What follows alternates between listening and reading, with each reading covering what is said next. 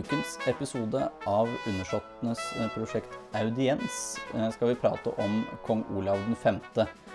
Og med meg så har jeg forfatter og professor i engelsk litteratur, Tore Rem. Tusen takk for at du ville være med. Takk for at jeg ble invitert. Ja, det er jo det, Jeg måtte jo det når jeg hadde begynt å lese boken om kong Olav. Så tenkte jeg at det var jo et, en perfekt gjest å ha her og prate om kong Olav 5. Hyggelig. Og du er da som sagt professor i engelsk litteratur med en doktorgradsavhandling om Charles Dickens fra Oxford. Det stemmer. Og du har jo en imponerende bibliografi. Det er jo ikke det første du skriver. Du har skrevet en biografi om Jens Bjørneboe i to bind. Sin egen herre fra 2009 og Født til frihet i 2010. Stemmer. Og en bok om Knut Hamsun, 'Reisen til Hitler' i 2014. Og du har også eh, vært redaktør for Penguins Books, ut, utgivelse av Ja. eh, Penguin, uh, nye Penguin-utgaven av Ibsens samfunnsdramatikk. Ja. Og nå er det jo da ute med Olav 5., Den fremmede, som omhandler Olavs liv, kong Olavs liv fra 1903 til 1940. Da skjer det et eller annet. Ja, det er, det, det er cliffhanger. ja, det er Jeg veit ikke helt hva det er. Som historiker så har jeg ikke helt satt meg inn i den tiden ennå. Men eh, dette er jo en murstein, et mursteinsverk. Den er på 549 sider, eh, hvis du da ikke tar med eh, kildematerialet. Eh, når var det du begynte med arbeidet rundt boka? Ja, det er vel sånn seks og et halvt år siden, tror jeg. Mm. Jeg tror jeg Kanskje da begynte jeg å lese meg opp. da. Vi gikk vel ut i Aftenposten i mars 2014 med nyheten. For å på en måte ta territoriet og markere at, at nå var vi i gang. Mm. Hva, hva tenkte du rundt det å skulle begynne på en, en biografi om Norges ubestridte folkekonge? Det var jo med en viss eh, ydmykhet, selvfølgelig. Eh, For meg så var det egentlig sånn nytt eh, land. Selvfølgelig hadde jeg et forhold til land fra oppvekst og, og sånt. Men det var også noe med at jeg ønska å prøve meg på noe helt annet. Jeg hadde følt at jeg hadde gitt mitt bud på forfatterbiografien. Og syntes det ville være interessant å prøve meg på kongebiografien, som jo er en eh, sjanger innenfor sjangeren, kunne man si. Ja, øh, og Tor Boman Larsen har lagt litt lista, kall det hva jeg angår kongebiografier. Tenkte du noe på det i arbeidet med boka? Om hvordan du ville legge det opp, eller Jeg tror vi har såpass ulik stil at jeg tror det Og, og tilnærming, for så vidt. At jeg har ikke følt det så vanskelig, altså. Men det er klart han har gjort et uh, suverent arbeid. uh, og et veldig stort kildearbeid også. Uh, så litt overlapp blir det jo nødvendigvis. Men jeg tenkte hele tida at i den grad jeg skal skrive norgeshistorien, så er det jo gjennom Olav. Så det er jo det å være tettest mulig på Olav. Mens han åpenbart, i hvert fall i hovedsak, da, har holdt seg tettest mulig på Maud og Håkon etter hvert. Håkon. For e- en ting som jeg la, la merke til, er at du ofte skriver i historisk presens. Eh, Var det eh, gjennomtenkt eh, valg, eller kom det sånn etter hvert? Nei, det er gjennomtenkt, men, men jeg veksler. Ja. Så det er ikke noe sånn gjennomført historisk presens, men noen ganger eh, for å skyte fart eller for å få leseren med inn i en eller annen situasjon, så gjør jeg det. Men det er jo ikke i våre dager ikke så veldig uvanlig, da.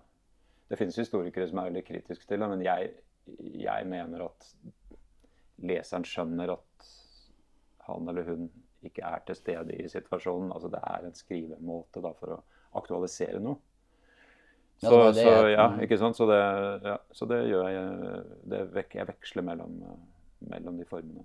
Mm. Ja, jeg det passet veldig fint eh, inn. Jeg har lest mye historie, jeg studerer historie. Og det har kommet over nettopp det du sa, at vi skal unngå historisk presens. Så jeg la merke til det, men det, det var ikke noe annet enn det, bare. At det, det var et virkemiddel da, som funka. Det begynte jeg med i Bjørneboe-biografien. øh, Og, og da tenkte jeg nok veldig sånn at OK eh, eh, Når det ruller og går, så holdt jeg det i fortid. Mens når det var litt sånn vanskeligere partier, som kanskje var mer analytiske, men likevel hadde litt grann av en fortellingsdimensjon, så slo jeg over i, i pressen. Mm. Hva, hva syns du var mest interessant å kalle det oppdage ved kong Olavs person? Ja, det er så uhorvelig mye. Så ikke sant? Det er akkurat hvilken fase. Um, det var jo veldig spennende å komme tettere på barnet Olav enn det jeg trodde var mulig. Um, og den strevende skolegutten. Uh, samtidig så hadde jeg, fordi jeg har en bakgrunn fra Oxford, syns jeg var ganske morsomt med de åra i Oxford. Hvor det er også et helt nytt materiale, stor korrespondanse bl.a. Og, og lærernes rapporter.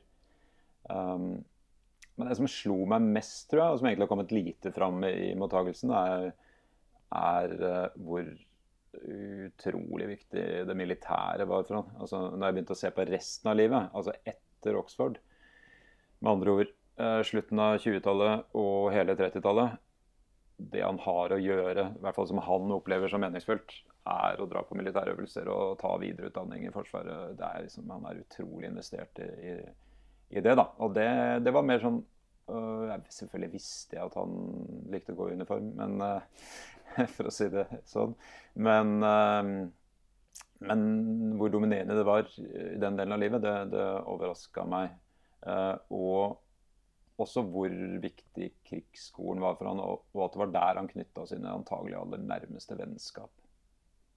Kan det ha noe med det vanskelige um forholdet han hadde med skolegang. på en måte, At det hjalp til og med på krigsskolen, på en måte, da hvor ja, det var et litt annet opplegg? Ja, Det er et godt poeng. Det, det tror jeg at det, den kombinasjonen i hvert fall av teori og praksis da, som uh, krigsskolen hadde, det at det også var en praktisk utdanning, det, det tror jeg appellerte til han. Noe av det ja, Vi kan begynne i så utrolig mange ender her, men, men noe av det som fascinerte meg med barndom og ungdom og som er helt sentralt for denne bokas prosjekt, eh, og som er en grunn til at den heter 'Den fremmede', er jo at han kommer som innvandrer til dette landet. Eh, at han kommer med en familie som ikke har noe nettverk. Eh, at det er lett for oss å glemme at ja, han hadde faktisk en dansk far og en engelsk mor, og de snakka engelsk hjemme. Og all den fremmedheten har han med seg. I tillegg så er han jo flere måneder hvert år i barndommen i England. Men så må han samtidig framstå som norsk. Og det prosjekt norskhet er jo veldig viktig for barndom og ungdom. Og der kommer jo idretten inn. Og den passa jo også inn i krigsskoleutdanningen. ikke sant? Så han fikk jo også bruk for det som var investert i idrett. Og det var mye. Det var en egen idrettslærer full tid. Vi kalte han guvernør, så han hadde jo flere oppgaver eller han skulle også sørge for dannelse. Men uh, denne Nicolay Ramm uh, var jo en veldig allsidig dyktig idrettsmann. Uh, og Ola brukte forferdelig mye av sin tid i ungdommen på idrett. Selvfølgelig mest kjent for skihoppinga og etter hvert seilinga, da. Men han prøvde alle mulige idretter. Ja, Du eh, påpeker det at det var ikke bare ting Østgård Østgaard måtte lære Olav. Det var også noen ting han måtte avlære han, som var en veldig fint, en fin hendelse eller en beskrivelse i, i boka. Ja, altså Bekymringen på Slottet før Østgaard hentes inn, og for så vidt videre i ungdommen, men det er jo at han, han snakker Vika-mål. Liksom han snakker bredt Kristiania-mål. Uh, Eh, og Grunnen til det er selvfølgelig at han stort sett bare har hatt tjenerskap rundt seg. Han har i veldig liten grad hatt andre barn, uh, og i hvert fall ikke så mange fra oss noe som ligner hans egen klasse. da. Så nei, det går på sånn uh, Det eksempelet jeg kom på i farta nå, er ikke sant, i skibakken. ikke sant. Jeg, jeg datt. Nei, du datt ikke, du falt. Altså den type. Men altså, det var mye a-endinger og sånne ting som man skulle avlæres. da. Men som man, vil jeg si, når man de opptakene man har av han, og det vitnesbyrdet man har om han senere i livet, i hvert fall når han er liksom avslappa i seilemiljøet, så har han en god del av den sjargongen fremdeles. Det, det, andre som jeg også la merke til i, i, boken, er det at han er veldig Som barn, i alle fall, da, så er han Kall det klar over sin egen rolle på, på, en eller annen måte. Det var pent sagt, ja. ja. ja eh, nei da, det, det, tror jeg. Men altså, det er jo veldig enkelt å skjønne. Da. Altså, han er enebarn. Han er tronarving. Han holder til på et, i hvert fall i norsk målestokk, stort slott eh, hvor han er fokus. Og han har stort sett bare voksenpersoner rundt seg. Og han har også spesielt, tror jeg, en mor som eh, skjemmer han ganske kraftig bort. Uh, og, det er klart at det gjør noe med han, så han har en sånn selvbevissthet fra veldig tidlig. Jeg uh, og, Ja, ja, det, ikke sant. Ja, det heter jo bortskjemthet på godt norsk, da. Men, men det skjer, samtidig så skjer det en endring. Så det, det der er liksom fra ganske tidlig og til en eller annen gang ut i ungdommen. da hvor det slår inn en sånn beskjedenhet og blyghet. Han beholder nok selvbevisstheten, men han, han, blir, han framstår som veldig blyg og keitete. Så det skjer et omslag der, kanskje jeg vil sånn 18-19-årsalderen eller noe sånt. Og kanskje er det fordi han da skyves ut i offentligheten, eller at han, han, han skjønner at nå må jeg ut, nå, nå blir jeg hele tiden konfrontert med at jeg er denne spesielle, at jeg har denne spesielle rollen. Det er jo Det du også påpeker i boken, er at um, han har en spesiell plass også hos sine besteforeldre. Uh, hos Edvard den 7. og dronning Alexandra av Storbritannia. Hvor han uh, It er vel det du kaller han i It-barnet. Men det er vel også noe dronning Maud uh, snakker om? Ja, det var et, jeg syns det var et veldig morsomt funn. Og en liten stund så fabla jeg med om jeg skulle være så tøff at jeg kalte boka It. Uh, men det var ikke så veldig populært på forlaget. Å oh, nei. uh, men, uh, men, Nei, det er fordi at det, dette var noe som dukka opp i noen gratulasjonsbrev og telegrammer, en sånn boks som hvor det til Altså gratulasjoner til foreldrene etter Olavs, eller Aleksanders, som han da var etter hans fødsel.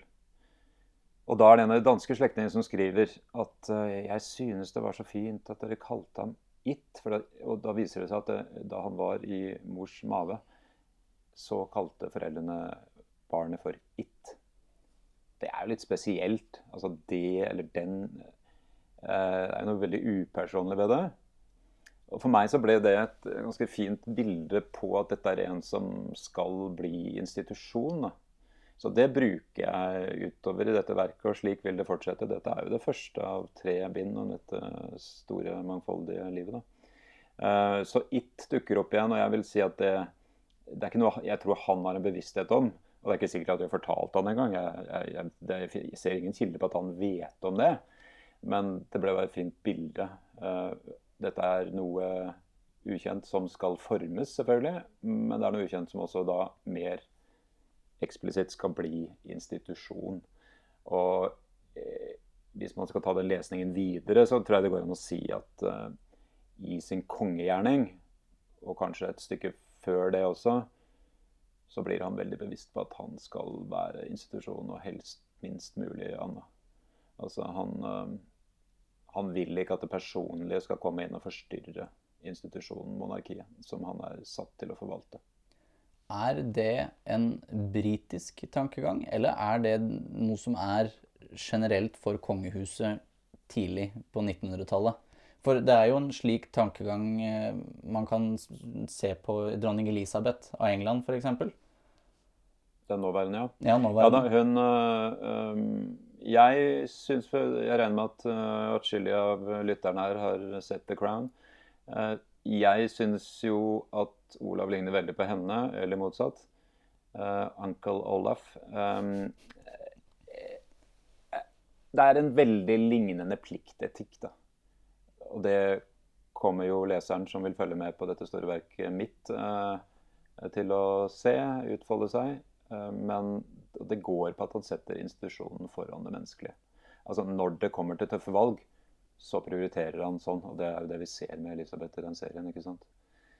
Eh, så det, det syns jeg ligner veldig. Eh, og eh, det er nok det er noe han har fått med seg fra den britiske familien. Han, jo, han har jo en dansk familie også, men er helt, han er veldig mye nærmere knytta til den britiske. Så kan man si at det finnes jo unntak der. Altså Edvard 8 valgte jo Mrs. Simpson isteden. Men, men det var jo også en skandale. Ja, da ser man jo reaksjonen. Like reaksjonene, ikke sant? Det førte jo til total utfrysing. Eh, fordi det var et så eklatant brudd med normene i den britiske kongefamilien.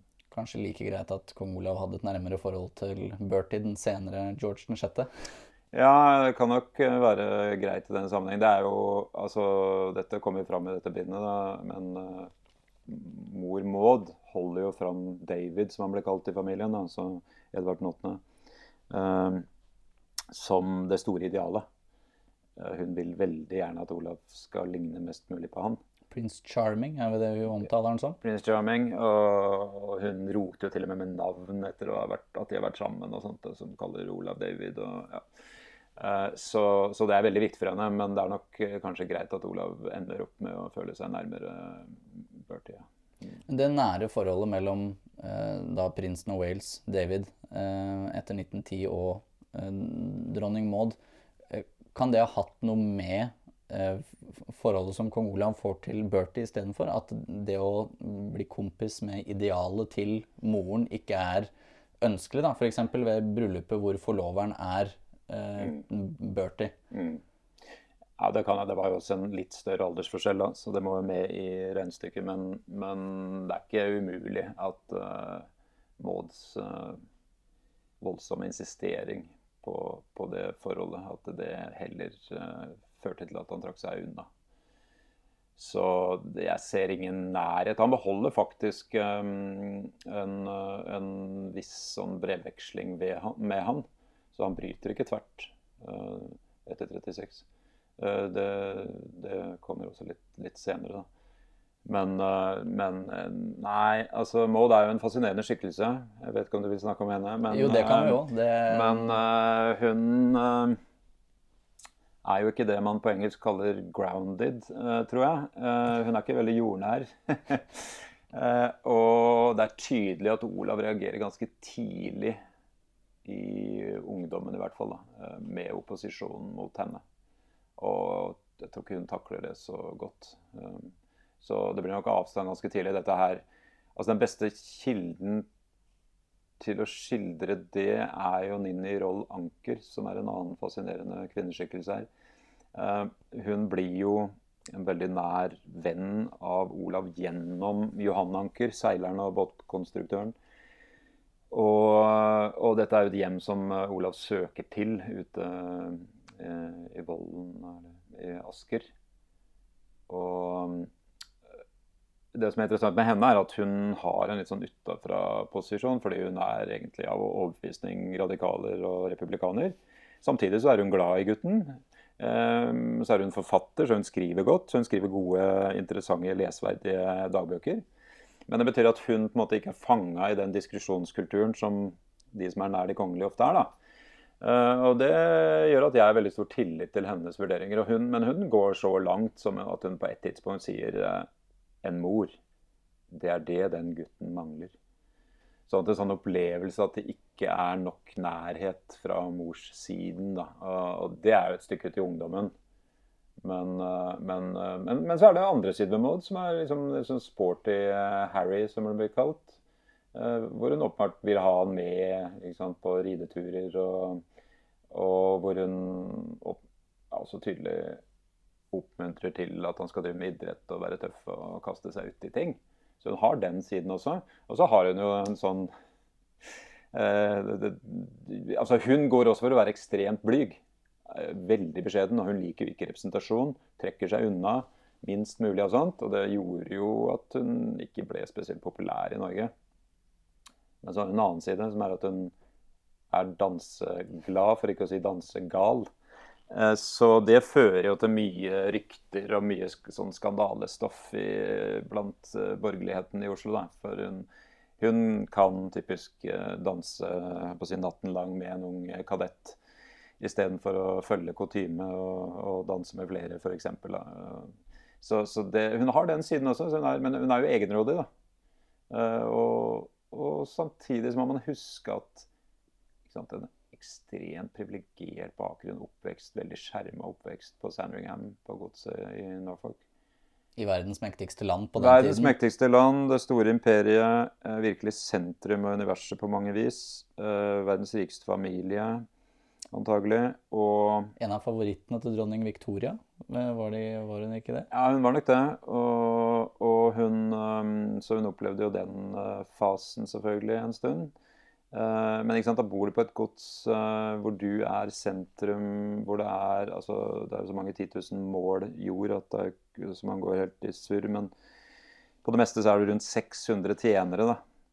Uh, og så enorme staller og kenneler og dyr overalt. Og du får boltre deg. Det er det én ting. Så, så, det er voldsomme privilegier. Men samtidig en veldig begrensa utdanning.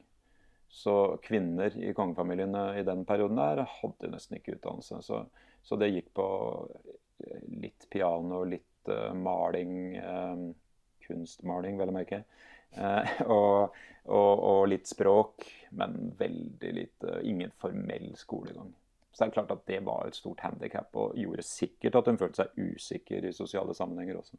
Det var vel tiltenkt at disse britiske prinsessene skulle bli dronninger. Altså ikke trenge å kall det konversere på mer enn overflad, overfladisk nivå. Er, det er, riktig. ja. Så det var andre skills. altså de hadde, Jeg syns det var morsomt å oppdage fra liksom, Sandringham-papirer eh, at um, de har jo en sånn De øver seg på det som heter reception, ikke sant? Mottagelse. Uh, hvor de blir sendt inn, og det opplevde Maud. Blir sendt inn uh, Det kan være 50 mennesker til stede, f.eks., og så skal de rundt opp, og så er det om å gjøre å huske flest mulig navn. Så de trente seg på liksom, hvordan opptre best mulig i den type situasjoner. Og det var det de kom til å måtte baske med resten av livet. Det var jo det som var tanken. Mm. Jeg vil jo si at det ikke er overraskende og til en viss grad forståelig at hun ikke falt, falt helt på plass i Norge etter å ha vært, eh, ja, som du sa, bodd i universets midtpunkt i Storbritannia. Så bo i et uh, leie en liten bolig i København for så å bli valgt til dronning av Norge sammen Og det var jo hun som var grunnen til at uh, prins Carl ble valgt. Det er veldig viktig. Det er veldig viktig å ha med seg at det var jo Det var jo for å få en stormaktsgarantist at uh, Norge søkte i den retningen. Så det var ikke pga. Carl, det var pga. Maud. Og samtidig så var det veldig viktig at de hadde en arving. Så det var jo noen kriterier som måtte fylles ut. Og det, ja, det var helt rett. altså jeg tror Norge, altså Alt var bedre i København. Det må man jo ha. Man må ha noen perspektiver her. Man måtte gjennomføre. Uh, men, uh, men hun det, det, kunne jo selvfølgelig ikke sammenlignes med det hun kom fra. Og, og Appleton, dette huset hun hadde på Sandringham-eiendommen, var jo utrolig kjært for henne. Og hun kom seg jo dit så fort hun hadde anledning, og, og savna det når hun ikke hadde det. Altså F.eks. under første verdenskrig, hvor hun da ikke har muligheten til å dra tilbake, så er det jo et dypt, dypt savn. Så, så, hun eh, ja, hun eh, organiserte livet sitt så best hun kunne. Hun, eh, hun, dro til England og var der så ofte og så mye hun fikk lov til. Og I tillegg så vil jeg si at hun skapte seg et slags Little England uh, i, Norge. da, Gjennom hester og hunder og hagebruk ute på Kongsgården. Men, men, når det er sagt, så kasta hun seg også inn i skigåing. Og, altså hun, hun var sporty. da. Ja, Kong Haakon var vel imponert over det ja, mener du skriver, at ja. hun begynte å gå på ski i en alder av 30. Ikke sant. Så hun eh, da nei, hun lærte seg det. Og, og ble sånn ganske, ganske, dyktig til å gå på ski. Og trivdes også veldig godt oppe på Kongssetra. Det var, altså Frisonene hennes i Norge var Kongsgården og Kongssetra. Uh, hun trivdes ikke på Slottet, og der følte hun seg fanga i sentrum av byen. Så det og det var vanskelig å sammenligne med Sandringham. Også. Ja, det er forståelig. For du, du, gir jo dronning Maud en del plass i, i, boka di, og eh, spesielt med da eh, rundt hennes død 20.11.1938, eh, som det er et helt kapittel tilegna Harry, da, eller dronning Maud. Det er jo en slags altså boka har jo en kronologisk eh, skråstrek eh, tematisk eh, struktur. Så da er det naturlig for meg å på en måte samle opp liksom, hvem var dette mennesket? Hva, hva betød hun for Olav? Så det er riktig, så da blir det et sånn type stopp hvor man på en måte går tilbake og på en måte får livet hennes på en måte som man ikke har fått i barndomsskildringene av Olav. Men eh, når han da er i 22, er det, da han begynner, det er da han begynner på Oxford. Etter å ha eh, gjort seg ferdig med med krigsskolen. Eller er det nei, 24, ja, 24 til 26. er han mener. Mm. Og det er jo eh, Det var jo ikke bare bare å, å komme seg inn der. Eh, det var vel også litt fordi Princeton of Wales hadde vært der, at de lurte på å få han på Oxford. Men så var det også denne dysleksien da, som i hvert fall blir et veldig tydelig problem mot eksamineringen andre året. Mm. Ja, altså Det var jo fordi of Wales hadde vært ved, ved det som på engelsk i Oxford uttales Maudlin College. Magdalene skrives det. Eh, at eh, familien tenkte at det var en god idé at eh, arveprinsen her også skulle til Oxford. Samtidig så var det Det var ikke noe mm, George the Fifth Georg den Nei, jo, Georg den femte var noe begeistra for. Han, han var veldig antiintellektuell. Han likte egentlig ikke at David dro til Oxford. Det var litt, ja, det noe kanskje borgerlig. At, ja, men har det noe kanskje med at han ikke var så intellektuell? Ja, det var det. Så var det, det, det var han uh, åpenbart. Det var militære marinen, var det ikke det som var det viktigste marinen, for han han? sendte jo de gutta av gårde i 13-årsalderen ikke sant, til marineutdanning, så det var knallhardt. Men, men og had- det var det som var Da ble du forma. Det var det du trengte, egentlig, i, Mm. i hans bok. Uh, Sjøl så var han jo mest opptatt av uh, shooting, uh, av jakt og frimerker. Men, uh, men, men det er også en sånn typisk britisk overklasse og for så vidt borgerlig holdning. da, ikke sant? Common sense, eh, ikke være overdrevent eh, intellektuell. Eh, men men eh, det, noe av det interessante med Oxford er at eh, Håkon, da, etter veldig mye om og men, eh, ender opp med å velge et annet college enn Maudlin, eh, som jo gikk for å være mye mer aristokratisk. Eh, og, og det er da Baliel, som har litt sånn liberalt, skråstrek radikalt rykte.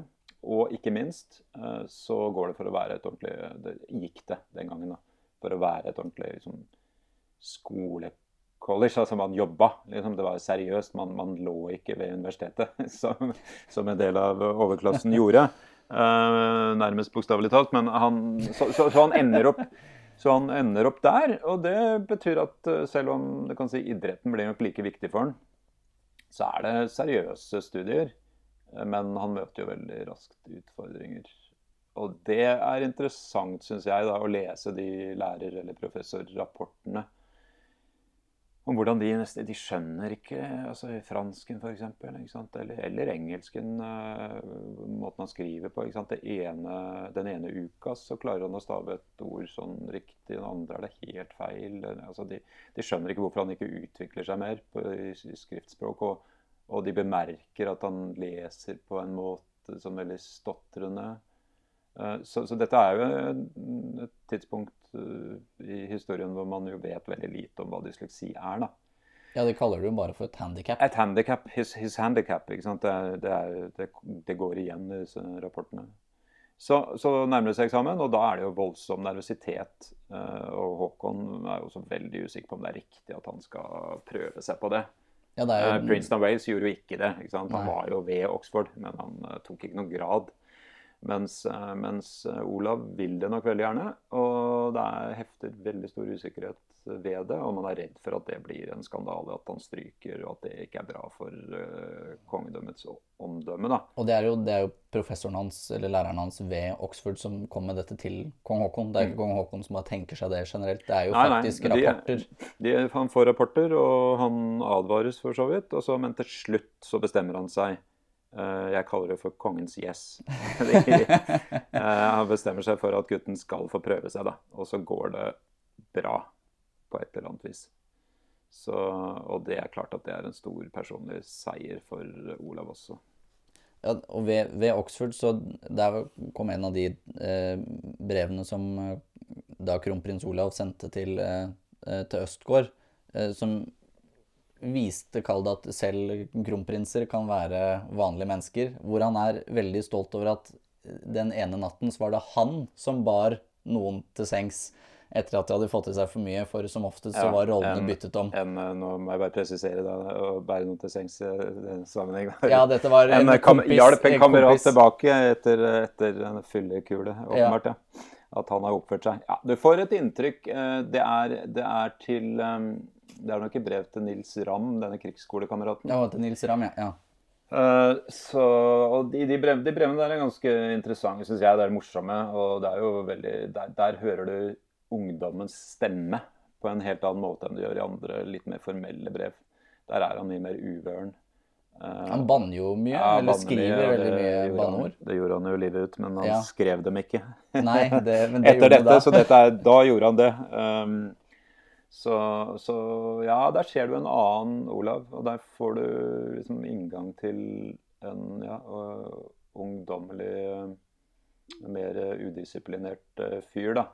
I, han ja, han, er, de, er, de, diskuterer mye, og det handler om idrett og røyk og ja, kvinner så vidt. Og, og, og, da er det også inne på sånne fester og sånne ting. Så ja, det, jeg, jeg syns det var veldig morsomt å komme over det, det brevmaterialet. For det fins nesten ikke noe sånt. Den eh, røyken la jeg spesielt ja. merke til. Jeg er jo vokst opp i en tid kall det, hvor man ikke skulle røyke i det hele tatt. Og det er jo røyk på nesten hvert eneste bilde. Om det er at han er ute og går tur med mor, så har du røyken i munnvika. Hvis, når han står på, på øh, bilder på Kongsgården, så har han pipa. Det, det er veldig mye tobakksinntak. Eh, høyt eh, toba tobakksinntak. Uh, ja, det er Hvis man ikke skal røyke i dag, så skulle man røyke da. Ja. Man kan si. Så det første jeg vel fant der, Eh, om når han kan ha begynt, det er vel sånn i 15-16-årsalderen. Men da er det en offentlig, det er en avis som skriver om det. Eh, på, på Bergensbanen. At han blir irettesatt. Eh, en konduktør som ikke, ikke, skjønner hvem det er. Som irettesetter ham fordi han står og røyker, eh, røyker i gangen eller noe sånt der, uh, på toget. Eh, men det tyder på at han har, da er han godt i gang. Så hvem vet om han var 13-14 eller jeg vet ikke. Men etter det, og helt fram til han slutter tvert, sånn rundt 1970 er det vel, eh, da han får hjerte, liksom hjerteproblemer og sånt, så, så er på nesten altså Spesielt i denne perioden så er omtrent alle bilder så henger sneipen til og med på malerier? Og på, han er med på malerier også. Eh, det er så naturlig. Altså, jeg, jeg, jeg, nett, jeg sitter og jobber med, med, det som skal skje videre her. Og, eh, og da så jeg jeg tror en tidstypisk kommentar fra 50-tallet. Hvor biskop Eivind Berggrav, som jo dukker opp her i slutten av, spesielt i slutten av dette bindet, men, men da, han, eh, da, kommenterer han at um, kong Haakon Eh, eh, da han blir syk, da han brekker lårhalsen og ligger på sjukehuset, sånn, så, så, så, kommenterer Berger i et brev at ja, han, han har til og med fortalt at han har sluttet å røyke. Eh, og så skriver han lenger til noe sånn ja, vi får håpe at han begynner med det igjen når han kommer ut. ikke sant? Så det var, det var nærmest et sykdomstegn å ikke røyke. Men for Olav så er det en sentral del av hverdagen og identiteten. Og, og, og eneste unntakene er jo det klager han litt over til Nils Rand. Altså når de skal i rokonkurranser, så er det tydeligvis såpass bevissthet om det at da må de holde opp i et par uker. Før. det, det syns han er tøft, det. Ja, det, det, Da lurte jeg på ok, så han slutta å røyke da? Nei da, det var en treukersperiode pga. roinga. Men litt senere på, på 20-tallet, mm, eh, rettere sagt det siste året på 20-tallet, i 1929, så gifter han seg med Skjer noe stort. Ja. ja, noe stort nå. Han gifter seg med prinsesse, prinsesse Märtha av Sverige, hans uh, søskenbarn. Eh, og det, jeg, jeg, visste ikke at det gikk så fort fra forlovelse til giftermål, for de forlover seg 13. februar. 13. januar. 13. januar, ja, Og så er det, er det da giftermål 21. mars. 1929, så det er jo det er et eh, par måneder imellom fra, fra det er offentliggjort til det er stor festivitas. Det er jo veldig Jeg vet ikke helt hvor uvanlig det var. Altså det, det var nok sjelden noe mer enn et halvår. Uh, Da er det veldig viktig altså når sant, forlovelse betyr giftermål. ikke? Mm. Så det interessante der er jo den perioden er mest interessant, kanskje den perioden hvor de holder det hemmelig, hvor de egentlig har inngått en slags uformell forlovelse på sommeren før. Dette skjer jo under OL i Amsterdam, da Olav er med og vinner gull i seiling. Og da begynner seilervennen å legge merke til at oi, her er det han er igjen han har uh, lyst til å gå tur med veldig ofte. her. og da er det også litt kommunikasjon tilbake til Håkon og Maud, hvor det er tydelig at da er det bestemt. Og det er jo ikke veldig populært, uh, hos, ikke hos dronningen. I, i åra før uh, en stund, ikke hos noen av dem en stund, er det noe kilde på, men etter hvert så er det jo særlig Maud da, som er imot det. Og veldig sterkt imot. Og de prøver å oppmuntre De spør jo Østgård adjutanten etter hvert eh, om ja, kan du ikke måte, oppmuntre han til å kanskje se i retning prinsesse Ingrid isteden, hun som siden blir danmarksdronning. Men hun er jo mye yngre. Um, og, og tremenningen hans ja, på, eller, det, I Belgia prøver de, og det er liksom hun, ja, så det er liksom og det, uh, det virker som om hovedbekymringen er at da blir det søskenbarn i to generasjoner. At Maud er redd for det. Um, kan, kan, fra Maud sin side kan det vel også ha noe med tyske følelser å gjøres eh, etter hvert òg? Altså det hun, Kanskje det ikke er så tidlig? Altså, men det er ikke ja, altså, Jo, altså, hun hata jo tyskerne, uh, og det ble jo forsterka under verdenskrigen, selvfølgelig. Men, men uh, Og svenskene er vel på nummer to, uh, nummer to fra bunnen, for mm. å si det sånn, ja. i hennes rankingliste over verdens nasjoner.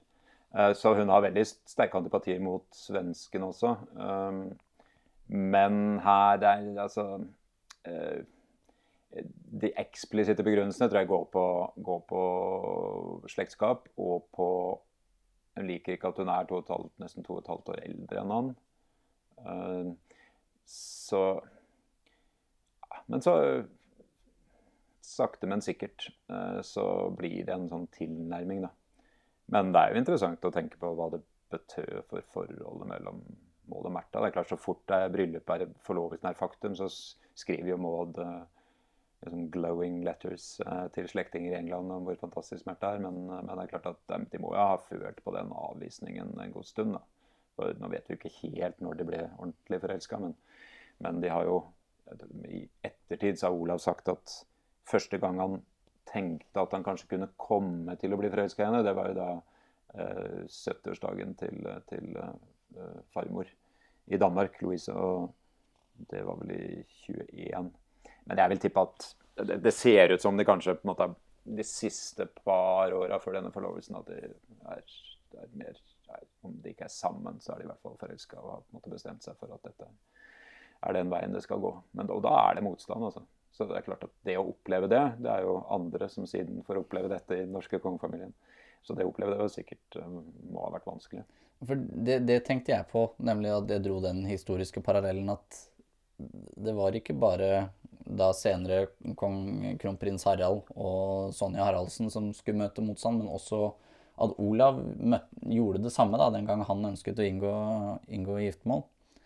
Eh, men samtidig så kan det ha vært Det, det må jo ha vært eh, Kall det litt sånn hva, hva man skal kalle det. Et eh,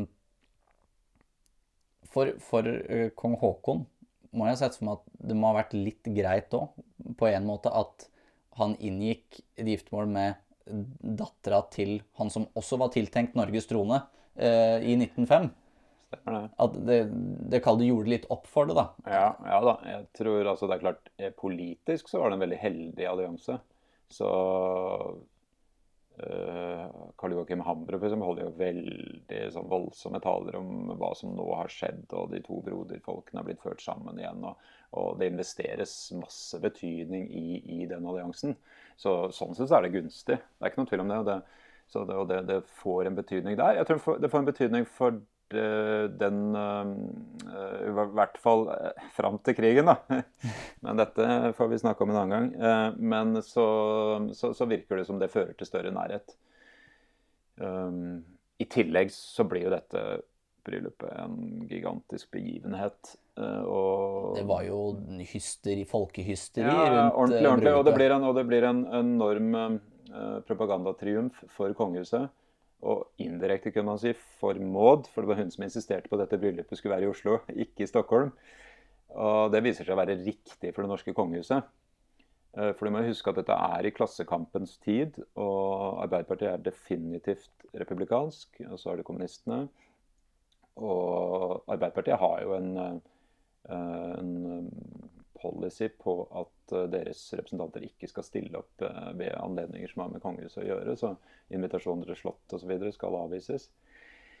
Og det som skjer, er at da Märtha ankommer Oslo Eh, den eh, det blir vel to dager før bryllupet. Da Da hun ankommer, så drar de rett på en kjøretur gjennom byen i åpen vogn. Og det blir en stor, stor triumf. Og det viktigste er jo da at da er det like mye mennesker på østkanten som det er på vestkanten. Og det bruker jo de borgerlige avisene for hva det er verdt. Sånn å peke nese til Arbeiderpartiet. En annen ting som kan trekkes paralleller til en viss 17. mai eh, i, eh, i år, egentlig. Ja da. Ja, da. Det, var, eh, det var for så vidt en, en, nesten en gjentakelse av ruta. Ja. De var vel ikke innom Ullevål sykehus, men de var innom, de var i nærheten av uh, Hagebyen, faktisk. Olav Marte. Ja. Det kommer ned omtrent samme rute, faktisk. Mm. Men ja, det er jo da Det er jo en suksess, det, det bryllupet. Med masse kongelige gjester, selvfølgelig. Um, og de um, De får jo da først en datter, Ragnhild, i 1930. Og så kommer da Astrid i 32. Og så er det da et lite opphold på fem år før prins Harald kommer. Og da er jo egentlig Ninni Rollanker fornøyd med de to døtrene. Det trenger egentlig, synes trengs det, ikke flere. Jeg syns det er greit at det da kan det gå mot avvikling, kanskje. Ja, for uh, av dette kvinner hadde unge, ikke av arverett. dette unge kongehuset. Altså, det der er litt Hvis vi nå skal slå til med en nyhet her, på, så er jeg litt uh, overraska over at ikke noen journalister har klart å plukke opp det. Men, men gjennom Niller og Ranker så, så skjønner man jo at det faktisk er et strev og stor usikkerhet knytta til om det blir et barn til. Uh, Märtha plages av blødninger, og, og det er virkelig, virkelig genuin usikkerhet uh, rundt det. Um, så det er så nær. Da snakker vi om en sårbar institusjon som er, i dette tilfellet er avhengig av mannlig arving. ikke sant? Og når hun så blir gravid, så er det jo bare å håpe og håpe, håpe at dette er en gutt. da. Men da, på toppen av det hele, så havner jo i en bilulykke og kjører av veien. Eh, Nok et sårbart øyeblikk.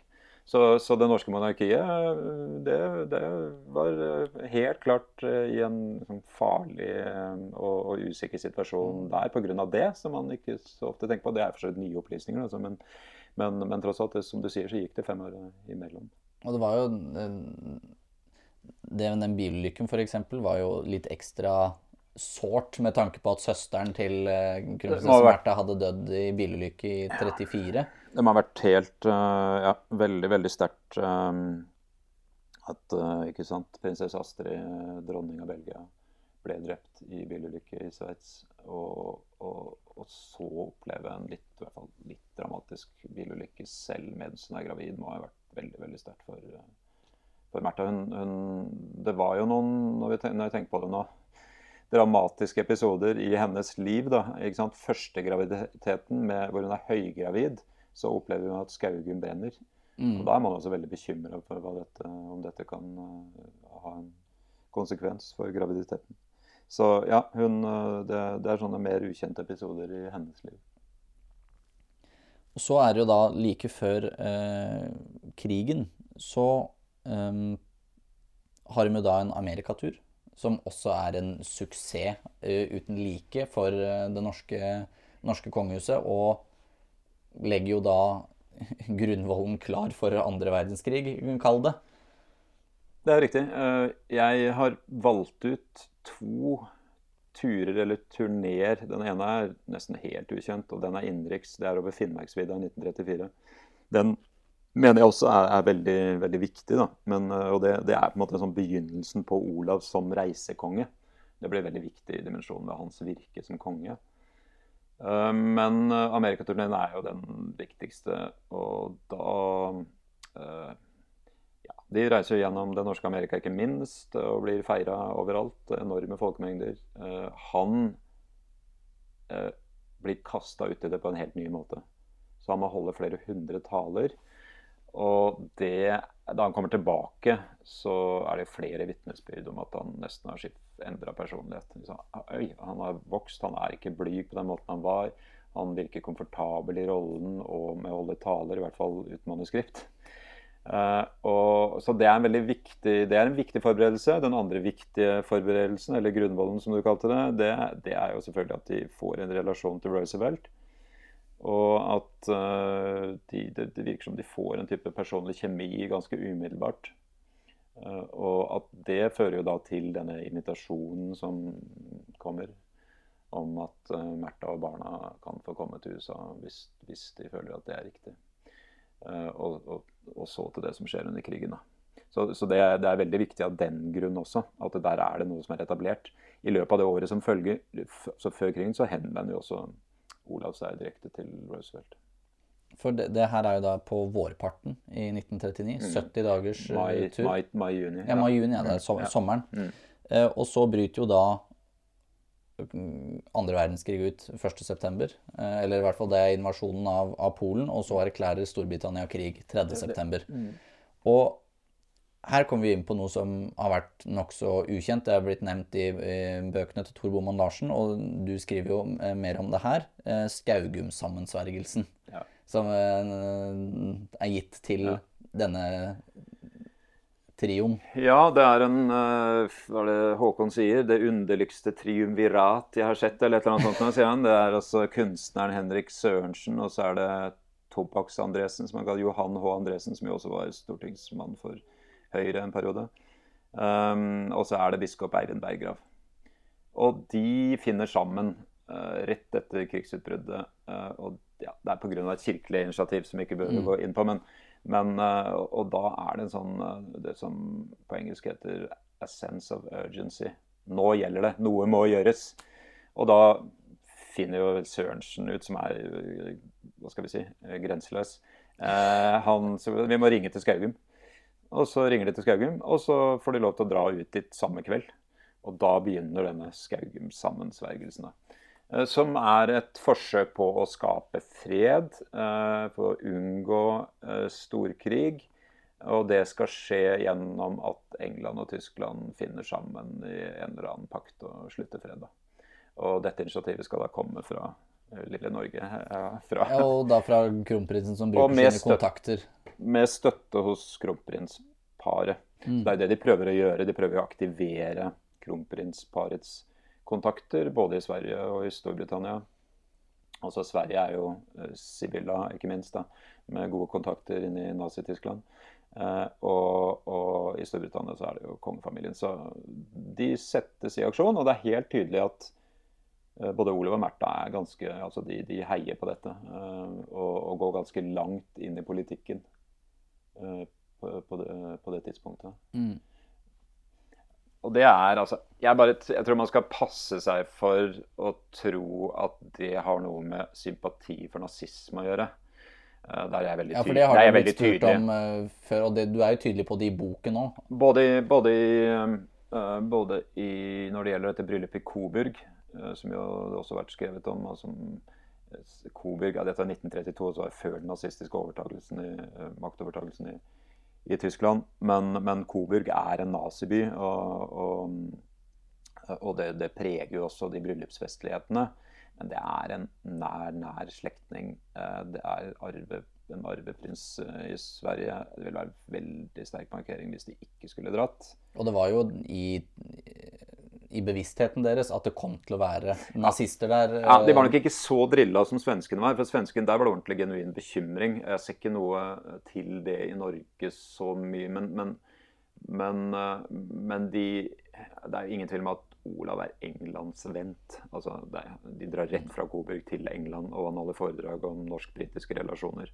Om hvordan den britiske relasjonen er viktigere enn noe annet osv. Og, så og det, det, samme kom jo opp under begravelsen til dronning Maud, hvor eh, ja, denne, altså en ukjent episode. Bo, eh, denne båreblomsten blir fjernet, som, eller ikke fjernet, da, men flyttet litt lenger vekk fra, fra, kisten. Og det er den som er fra Adolf Hitler. Det er sånn nesten-skandale, hvor det kommer en, et budskap om at nå blir det lagt, nå kommer det store naziflagget skal legges over som en hyllest, og så får man flytta på det. Uh, men ja, så det er Men det man kan si, er selvfølgelig at det er en form for naivitet, da.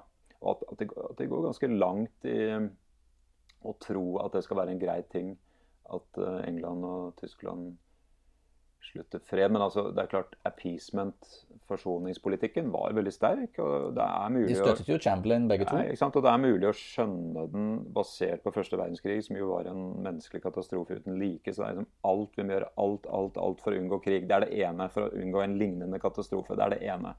Det andre er, og det tror jeg er minst like viktig for Olav, da, er eh, frykten for Sovjet.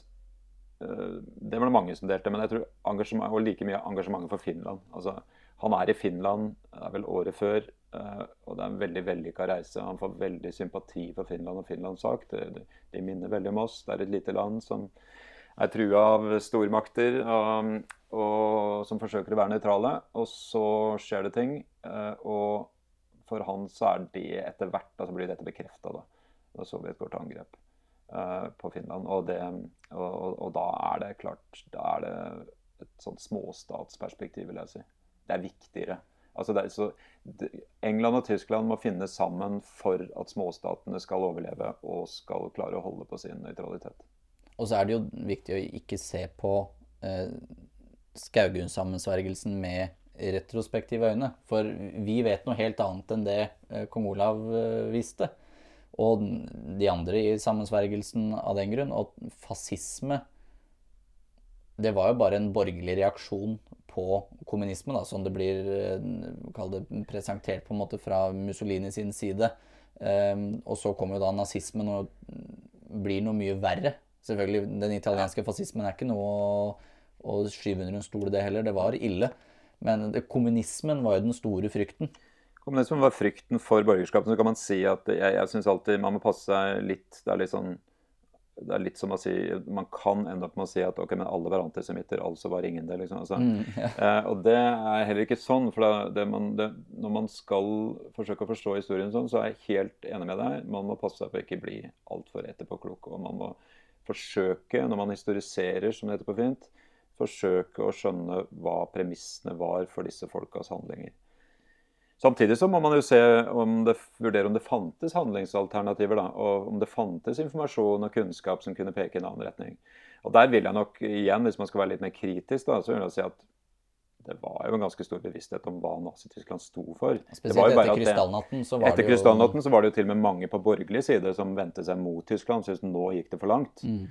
Uh, og det ser ikke ut ha ramma Olav der. Altså, han, han, tror at det er mulig å, å få fred med Hitler. Ja, for Kong Haakon reagerte tydelig på krystallnatten. Det hadde han vel et eksempel på, mener jeg. Men, ja, han, han, også, han, går også langt i å støtte forsoningspolitikken eier mm. på Chamberlains side. Altså. Mm. Så, så, men, men, det er også et også ganske sterkt vitnesbyrd her i denne boka om Märtha, Märthas reaksjon på antisemittisme i Oslos uh, selskapsliv.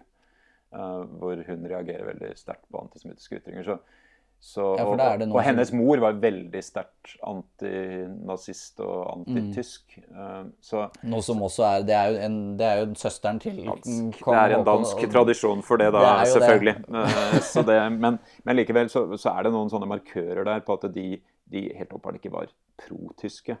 Men det er litt forbausende at de går så langt i å på en måte ha tillit til at Hitler er en man kan forhandle med. Og at de altså Det som er helt klart, er at de tar ikke ideologien alvorlig nok. kan man Nei. si. Ikke sant? Nazismen som ideologi. De tar nazismen som stormaktsambisjon. Den tar de alvorlig. Men de tar ikke nazismen som ideologi. De går ikke inn i det. De ser ikke at den representerer noe særskilt. Det er en veldig, veldig lik eh, naivitet som det også er i den britiske regjeringa like før i krigen. I hvert fall med Halifax og Chamberlain. Da. Den naiviteten som Churchill kjemper så hardt mot, som han mener ikke passer Det, det går ikke an. Du, han gjør det helt på slutten, men mm. uh, man må huske at Churchill også er en annen en periode. F.eks. så støtter ja. han uh, David, altså den da avgåtte uh, Edvard Nottene i at han drar og hilser på Hitler. Så, så, men, men, så, opp mot krigen, så er det klart, så blir han den tydeligste, en av de mm. tydeligste motstanderne av appeasement-politikken. Ja, for David er jo da på rundreise i Tyskland, hvor han til slutt da møter Hitler. Og dette er jo en av personene som eh, kong, eller kronprins Olav på den tida eh, brevveksler med. da.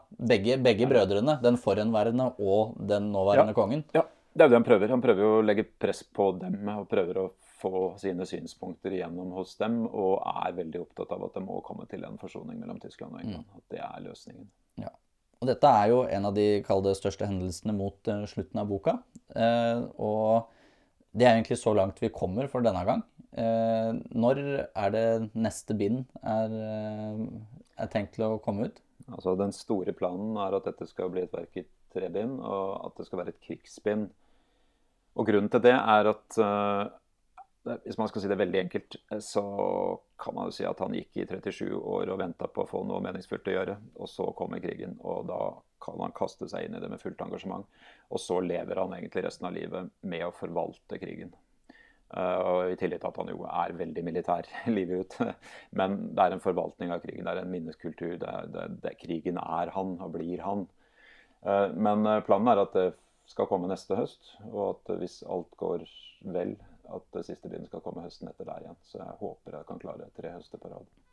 Ja, da blir det noen interessante høster for meg i alle fall, og håper at det blir det samme for eh, mange av lytterne. Og så vil jeg bare takke veldig mye for at du ville stille opp og diskutere Folkekongen.